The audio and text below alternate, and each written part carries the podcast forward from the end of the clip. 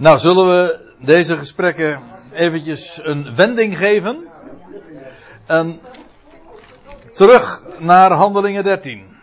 Naar de toespraak die Paulus daar in de synagoge van Antiochië hield. Antiochië in Pisidië. Nou, we waren dus bij vers 19 dat zeven volkeren neergehaald zijn daar in het land Canaan. Zo drukt Paulus zich uit. En God gaf hen het land ten lotsdeel. Nou, dat was het laatste wat we voor de pauze zagen. En dan staat er omstreeks 450 jaren lang. En waar Paulus het over heeft. Ja, als u een statenvertaling heeft, dan is het lastiger. Want daar wordt het anders weergegeven. Maar die 450 jaren. En ik heb het zojuist al eventjes met eh, Fred erover gehad. Over die tijdspannen. Maar die is heel gemakkelijk eh, te traceren. Want we hadden het zojuist. Ik heb het nog voorgelezen uit Genesis 15 over die 400 jaren vanaf, vanaf Abraham. Eigenlijk vanaf Isaac moet ik zeggen, uw nakomelingen. Vanaf Isaac tot aan. Uh, ja, tot aan de uittocht uit Egypte. Dat zouden 400 jaren zijn. Dat was, had God gezegd. En dat klopt dus op het jaar nauwkeurig. Ik ga dat nou allemaal niet uh, narekenen. Maar je vindt trouwens uh, diverse periodes. Je leest ook over 430 jaar. Maar dat was de periode vanaf de belofte die aan Abraham gedaan was. Tot aan de berg Sinai. Dat was een periode van 430 jaar. Dus het, alles bepalend is uiteraard waar begin je en waar eindig je. Maar als je rekent vanaf de speling van Isaac. En tot aan de uittocht uit Egypte, dat is precies 400 jaar. Nou, dat is 400 jaar. Dan krijg je vervolgens 40 jaren in de woestijn. En dan blijven er nog 10 jaar over voor de veroveringen en de verdeling van het land. En dat ben je precies dus bij die periode waar Paulus het hier over heeft. Dus vanaf het nakomelingschap van Abraham tot aan de eh, verdeling van het land, hè, dat Israël het land ten lotsdeel kreeg, dat is een periode van omstreeks 450 jaar. Klopt, als een bus. En zijn uh, toehoorders die wisten dat natuurlijk ook maar al te goed. Dit was geen nieuws, dit was gewoon vaderlandse geschiedenis voor hen. En daarna, staat er, gaf hij hun richters. Nou, die periode wordt natuurlijk uh, ook uitgebreid beschreven. Ik moet er trouwens bij zeggen dat het onjuist is, als we het nou dan toch even over chronologie hebben, dat het onjuist is om die richtere perioden allemaal keurig aan, bij elkaar op te tellen en dan te zeggen van nou, die periode duurde dus zo lang. Dat gaat niet op, dat, die stelling, want eh, diverse richters die hebben gelijktijdig ook geregeerd over verschillende delen van het land. Het is dus niet zo dat de ene richter de andere richter opvolgde. Nee, het waren perioden die voor een deel ook gewoon dus synchroon lopen. Eh, of over, overlapt worden door elkaar. Dus het, eh, dat mag je niet doen. Ik kan u wel dit vertellen. Als ik er dan eh, nog iets chronologisch aan mag toevoegen. In, ik heb er geen diaatje van, maar in 1 Koningen 6. Dat is een heel belangrijk chronologische sleutel. 1 Koningen 6 vers 1. Daar lees je. In het 480ste jaar na de uittocht der Israëlieten uit het land Egypte. In het vierde jaar van Salomo's regering over Israël. In de maand Sif, dat is de tweede maand. Bouwde hij het huis voor de Heren. Aha, dat is belangrijk. Dus als je nou eventjes een, een chronologische tijdtafel zou maken, dan krijg je dus inderdaad vanaf de belofte die God deed aan Abraham tot aan de uittocht uit Egypte, dat is een periode van 430 jaar. En vanuit, vanaf de uittocht uit Egypte tot aan de bouw van de tempel, dat was het vierde jaar van de regering van Salomo, dat is een periode van 480 jaar. En op, mede op basis daarvan kun je ook uh, de conclusie trekken dat die, dat die richtere perioden niet bij elkaar opgeteld kunnen worden, want dan kom je gewoon domweg niet uit. Maar goed, dat is nu verder niet uh, het onderwerp. Hoe dat precies in, uh, in elkaar steekt. Dat is wel trouwens heel boeiend. Ik wil daar nog eens een keertje een hele aparte. dat wordt dan echt een serie van Bijbelstudies geven over de chronologie van de Bijbel. De, de tijdtafel vanaf Adam tot nu, zeg maar. Gewoon aan de hand van de schrift die een, een tabel op te stellen en dan allemaal periodes in te vullen. Kijk, en dit is het uh, grote gemak. Dus als bijvoorbeeld Paulus zegt in Galaten 3 van, vanaf de belofte van Abraham tot aan de berg is 430 jaar. Aha, dan hebben we een hele, hele tijdspanne in één keer. En vanaf de uittocht uit Egypte tot aan de bouw van de tempel is 480 jaar. Aha. Zo kun je dingen dus inderdaad aan elkaar koppelen. En dan kun je ze vervolgens ook weer nader invullen. Zulke periodes, uh, hoe die dan verdeeld zijn. Ik bedoel, van die richtere periodes wordt er ook heel dikwijls gezegd van. Simpson richtte Israël 20 jaar. Als ik me niet vergis. Ja. Nou ja. En dan had het land weer 40 jaar rust. Zoiets. Afijn. Daarna gaf hij hun richters, dus na die 450 jaar, nadat het land verdeeld is, dan krijg je de periode van de richters, de rechters eigenlijk. Want dat, het woord richter is hetzelfde als rechter. Tot op de profeet Samuel. Samuel is dus de eerste, uh, de persoon die niet meer hoort bij de richterenperiode. Wat ook vrij logisch is, want kijk naar het boek. Je hebt het boek Richteren het boekje Rut is daar een aanhangsel van. En dan krijg je Samuel. Samuel hoort daar niet bij. Samuel is de profeet. En ik geef hier een verwijzing naar 1 Samuel 3 vers 20. Daar staat dat heel uitdrukkelijk. Dat God aan het profeetschap aan Samuel had gegeven. En van toen af, van toen af, dat wil zeggen van de dagen van Samuel af, vroegen zij om een koning. Nou, dat verhaal kennen we allemaal. En de mensen daar in de synagoge wisten dat natuurlijk ook. En God gaf hun Saul, de zoon van Kis, een man uit de stam Benjamin. En ik moet dan lachen als ik zoiets lees. Of Paulus zal misschien ook wel geknipoogd hebben. Van dat is mijn naam en stamgenoot dus. Uit de stam Benjamin. Dat was Saulus. En met dezelfde naam. En onder de profeten. En onder de profeten. En een vervolger van David. Uh, nou ja, de zoon van David. Ja. Nou, over die connecties, daar hebben we het wel eens vaker over gehad. Maar in elk geval, God gaf hem toen uh, Saul, de zoon van Kis. Mooie geschiedenissen ook, met die ezelingen die, die zoek waren. En hoe die gezalfd werd, et cetera. Maar dan staat er vervolgens bij, dat was 40 jaren lang.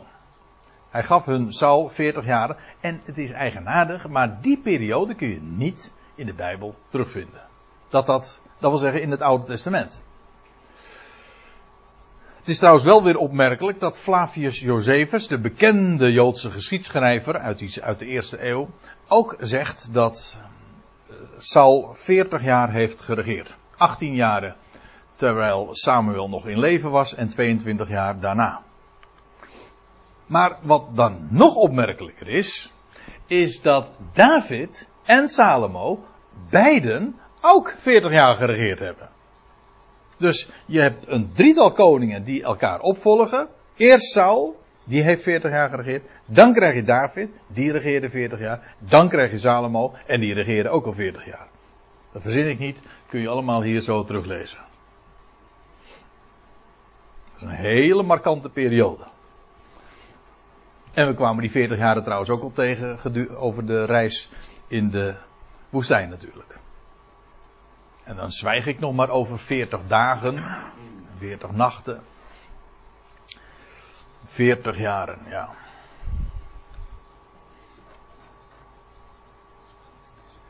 In principe is uh, trouwens dat de periode van een geslacht. Een generatie. Maar ja. Ja. Hè? Ja, beproeving. Beproeving. De 40 jaar uh, van Israël in de woestijn was natuurlijk ook uh, een, een, tijd van beproeving. De 40 dagen dat Israël, dat de Heer Jezus verzocht werd in de woestijn. Dat is dan niet 40 jaar, maar 40 dagen. De Elia 40 dagen. Je leest over Jona. Nog 40 dagen toch? Ja, en dan zal de stad worden omgekeerd. Ja, oh, die zou ik, die zou ik haast. We, hebben het, we hadden het over, over Mozes, die 120 jaar werd. Maar die periode is onderverdeeld in drie keer 40. Hij werd 40 jaar. En toen hij 40 jaar was, toen uh, moest hij vluchten naar de woestijn. Heeft 40 jaar in de woestijn toen verbleef, uh, als schaapherder vertoefd. Werd hij en daarna is hij weer teruggekeerd. Nou, de, de, plagen over Egypte kwamen. En toen, vervolgens, is er nog een keer een periode van 40 jaar uh, aangebroken. Namelijk dat het volk door de woestijn geleid werd naar het beloofde land. Ook weer 40 jaar. Dus exact drie keer 40 jaren. Over design gesproken. Hm?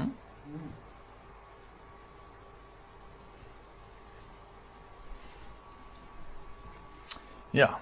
Nou, terwijl ik uh, hier nu over nadenk. Ik van, hier moet ik nog eens wat vaker. Uh, wat. Uh, wat meer over zeggen. Want. dit, het kan natuurlijk. Hè? Goed bericht weekend. 2016. ja, wellicht. 2040. 2040, dat wordt. ja, dat, dat vraag ik me ook af. Eerlijk gezegd denk ik dat niet. Maar goed, dat is weer een ander onderwerp. Uh, eh, 40 jaar was dit. Die periode van de regeerperiode van Saul. En nadat hij eh, deze verworpen had, eigenlijk staat er nadat hij hem, af, hem afzettende, hij werd afgezet. Dat is eigenlijk het woord wat hier ook, die, hij zette hem in de plaats van. Uh, verwekte, ja, u weet hoe dat gegaan is. Deze koning maakte zichzelf, zichzelf priester. Daarom werd Saul verworpen. Daar zit meer aan vast dat ik nu zeg. Maar de uiteindelijke reden dat Saul als koning verworpen is dat hij zichzelf tot priester maakte. Het grote bijbelse ideaal is koning priesterschap. Nou, de ordening van Melchizedek. Maar tot die functie, daar eh, maak je jezelf niet, eh, daar stel je jezelf niet in aan, dat doet God. Saul deed het zelf. En hij werd terzijde geschoven. Hij werd afgezet. In de plaats van hem werd verwekt David de koning. Ja, dat is heel opmerkelijk, want hier wordt dan dat woordje verwekken gesproken, uh, genoemd. En dat is heel dubbelzinnig. Want eh, later in ditzelfde hoofdstuk, in vers 30 en vers 37, komt dat exact ditzelfde woord weer voor. En dan gaat het over verwekken uit de doden. Doen opstaan. Je leest ook heel vaak in het Oude Testament van. En toen deed God uh, een koning opstaan. Dat is ook een heel dubbelzinnig begrip. Maar hier wordt dat woord dus ook gebruikt. Hier gaat het over, hij deed hun David als koning opstaan of hij verwekte hen. Maar uh, dat uh, heeft een dubbele bodem dus. En die David, ja u weet, daar gaat het allemaal om. Duizend jaar voor Christus was dit. En deze David, uh, aan hem kwam definitief het koningschap toe aan zijn huis. De, de dynastie, het koningshuis van David. Nou, en aan die David werd dit getuigenis gegeven. En ik geef maar eventjes de versen erbij. Voor degenen die dat willen nazoeken. Uh, dan lees je inderdaad. Ik heb David, de zoon van Jesse, van Isaï. Er staat de vertaling staat Jesse, maar dat is hetzelfde als Ischaï, uh, Isaï. Ik heb David, de zoon van Isaï, gevonden. Een man naar mijn hart. Prachtige uitdrukking. Naar het hart van mij. Maar dat is een uitdrukking die ontleend is aan 1 Samuel 13 vers 14, om precies te zijn. En waarom? Niet omdat die man uh, zo van zichzelf zo goed was. Maar die man, hij geloofde God. Een man naar mijn hart. En er staat er nog bij, die al mijn bevelen zal volbrengen. Nou, over het bevelen wordt niet gesproken, er wordt gesproken over de wil. Alleen het is iets ingewikkelder, want in, in het Grieks staat hier het woordje wil in meervoud. Dat kennen wij niet. Ja, we kennen wel willen, maar dat is alleen maar als werkwoord, maar niet als meervoud van wil. Nou ja, in ieder geval in het Grieks staat hier dus eigenlijk zou je het moeten, als je het letterlijk zou willen vertalen, die zal doen al de dingen die ik wil. Dat is het. En dat is inderdaad wat uh, aan David, de man naar Gods hart, uh, wat daarvan uh, hem gezegd wordt. En die David, die werd dus inderdaad, zijn, zijn hele leven is een schitterende illustratie van hem die na hem zou komen. Gezalfd. De man uit Bethlehem, de goede herder, die zijn leven inzette voor de schapen. Maar het, hij was gezalfd tot koning en vervolgens is hij dan degene die de grote reus, de grote tegenstander uitschakelt. Door dat vijfde steentje. En vervolgens wordt hij verworpen en in die tijd van verwerping verzamelt hij een, een volk om zich heen. En uiteindelijk wordt hij koning. En dan eerst zeven jaar in Hebron en dan 33 jaar in Jeruzalem. Nou laat ik u dit vertellen, ook die periode die verdeling van 7 en 33 uh, eh, is, loopt ook weer parallel met het koningschap van de Heer straks. Met, het, met de Messias. Over, sorry? Het beminde gods, ja. En een gezalfde des Heren. Ja. Nou, van gezalfd zou je kunnen zeggen, ja, maar dat was, dat was Saul ook. Gezalfd. Maar u weet het grote verschil. De een was gezalfd met een, een, een broos vaatwerk. Met een, dat lees je. Hij werd gezalfd met een kruik. En David werd gezalfd met een hoorn. Het ene is een beeld van vergankelijkheid. En zijn, dat is precies een uitbeelding van het, van het koningschap van Saul. Het zou van zijn huis worden afgenomen. Maar aan het huis van David zou het definitief toekomen. En een hoorn in de Bijbel is een beeld van koningschap. Bijvoorbeeld, je leest over de, dat beest met de tien horens, weet je wel, in, in, in verband met de eindtijd. Maar dan staat er, die tien horens, dat zijn tien koningen.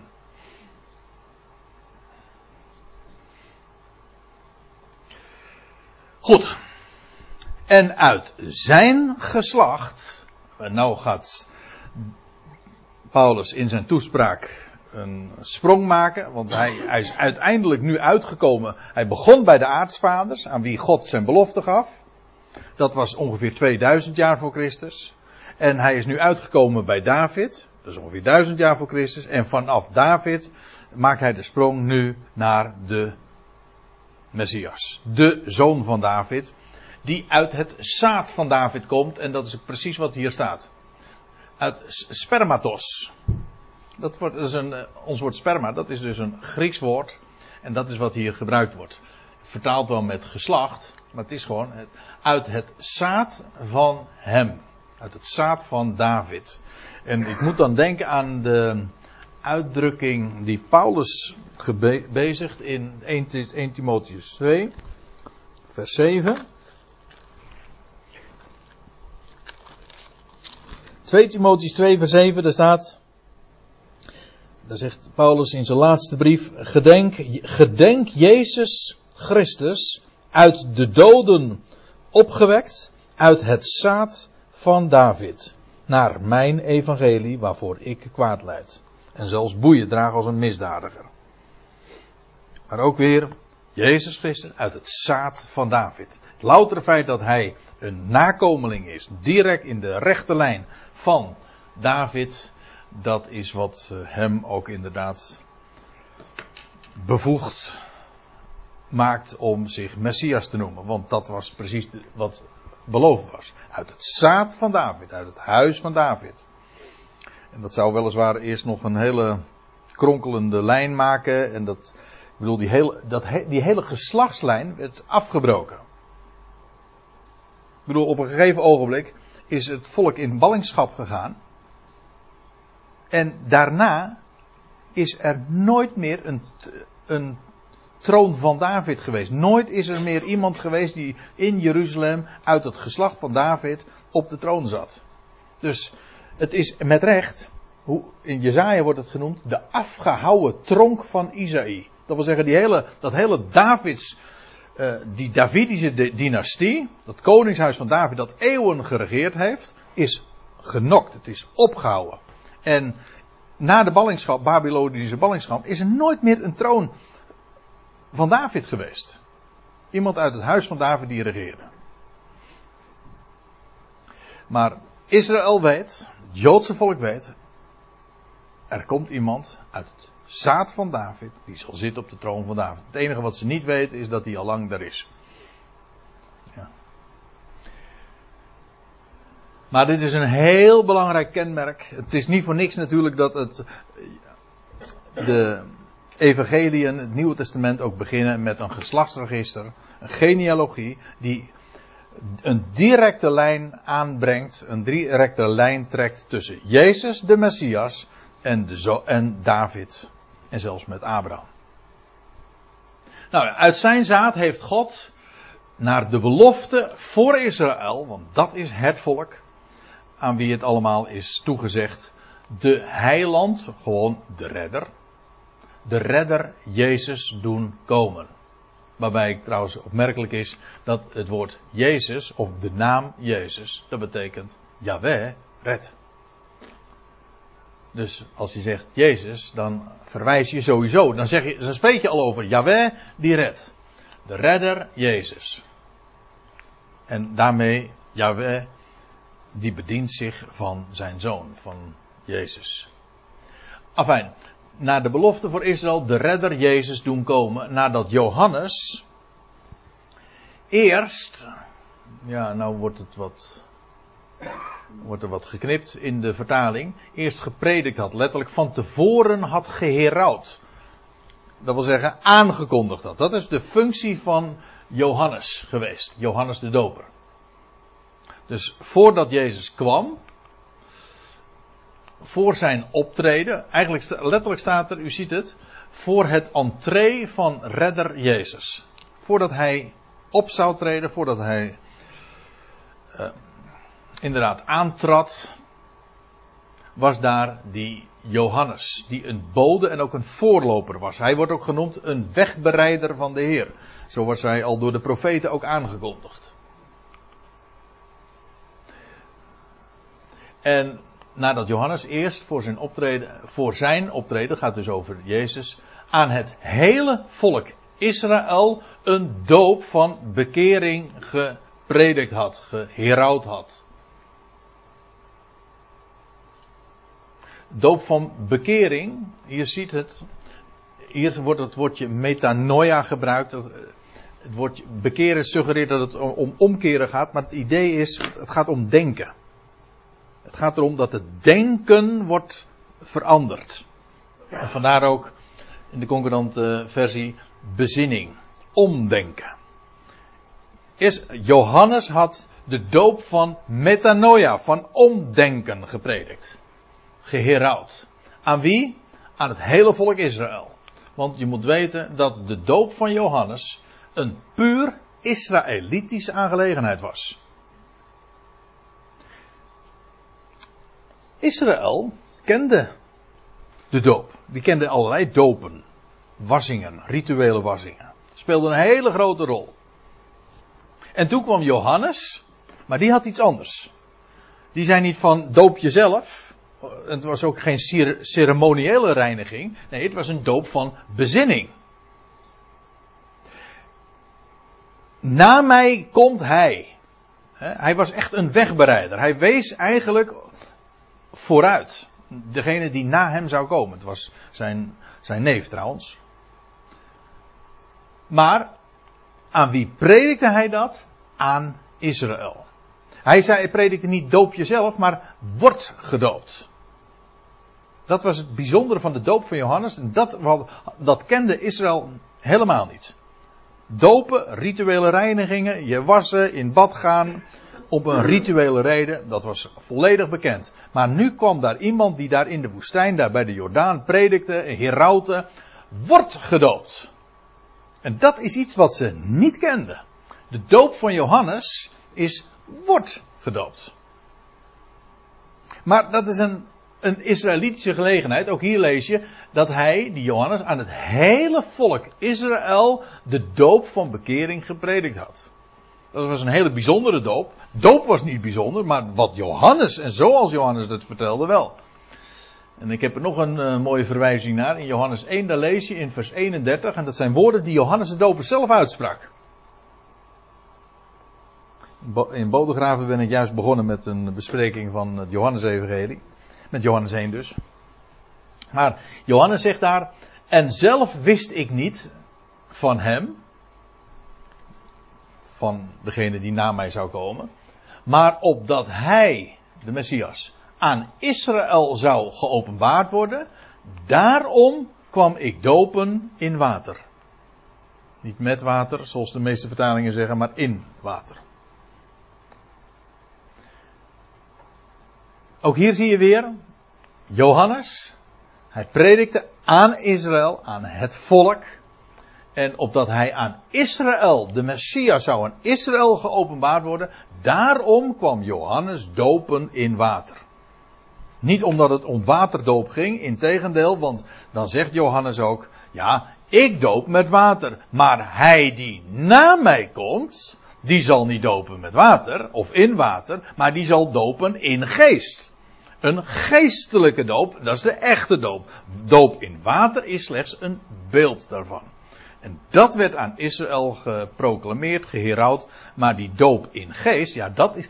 Kijk, als we het hebben over de christelijke doop, dat is geen waterdoop. Nee, de doop van Johannes, dat was een waterdoop. Wordt gedoopt. De doop van Christus, Johannes zei het zelf, hij die na mij komt, die zal dopen in geest. Dus wat is de christelijke doop? De doop van Christus. Is dat een doop in water? Nee, dat is een doop in geest. Een geestelijke aangelegenheid. Ja. Dit is zo onbekend waar ik het nu over heb. En dan te bedenken dat heel de kerkelijke praktijk gebaseerd is op dopen in water. En dan discussiëren ze tot in het oneindige of dat met een heleboel water moet of met een paar druppels. En groot of klein. En de point missen ze. Want de vraag is niet uh, hoeveel water. En de vraag is ook niet wanneer mogen ze erin of, of wanneer moeten ze besprenkeld worden. De vraag is water of geest. Dat is de vraag. Een ritueel wat mensenhanden doen of iets wat hij doet. Ja, dat is de echte vraag. Maar daar is men nog niet naartoe gekomen. Nou, nee.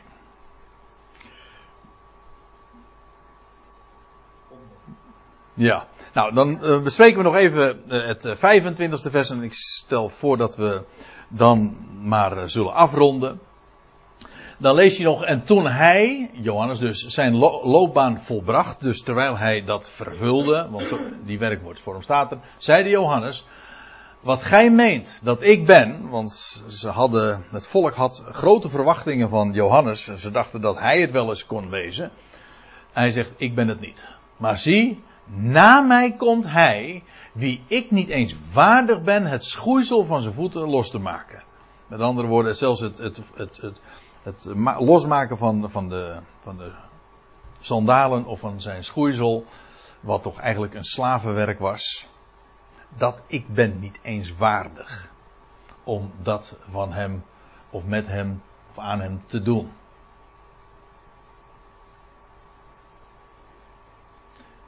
En als hij dan in het Johannes-evangelie hem dan ziet, en dan zegt hij op, dan ziet hij hem aankomen. Hij had de hele tijd over hem verteld en op een gegeven moment ziet hij hem aankomen, zijn neef dus. In hoeverre daar al contact met die, tussen die twee geweest is, weet ik niet. Maar in ieder geval, dan ziet hij hem aankomen en dan zegt hij: Zie het Lam Gods, dat de zonde der wereld wegneemt. Ja. Dat zegt Johannes dan. En wat hij toen daarover vertelde, over die doop van, van hem die na hem zou komen, daar weten ze niks van. Maar vervolgens wie nou die, dat lam gods is en wat het lam gods zou doen, namelijk de zonde der wereld wegnemen, daar heeft men evenmin elkaars van gegeten. Ja, nou, um, en dan begint er een nieuw onderdeel van de toespraak van uh, Paulus daar in die synagoge. En dat is in vers 26. En dat lijkt me een heel mooi aanknopingspunt om daar volgende keer mee verder te gaan.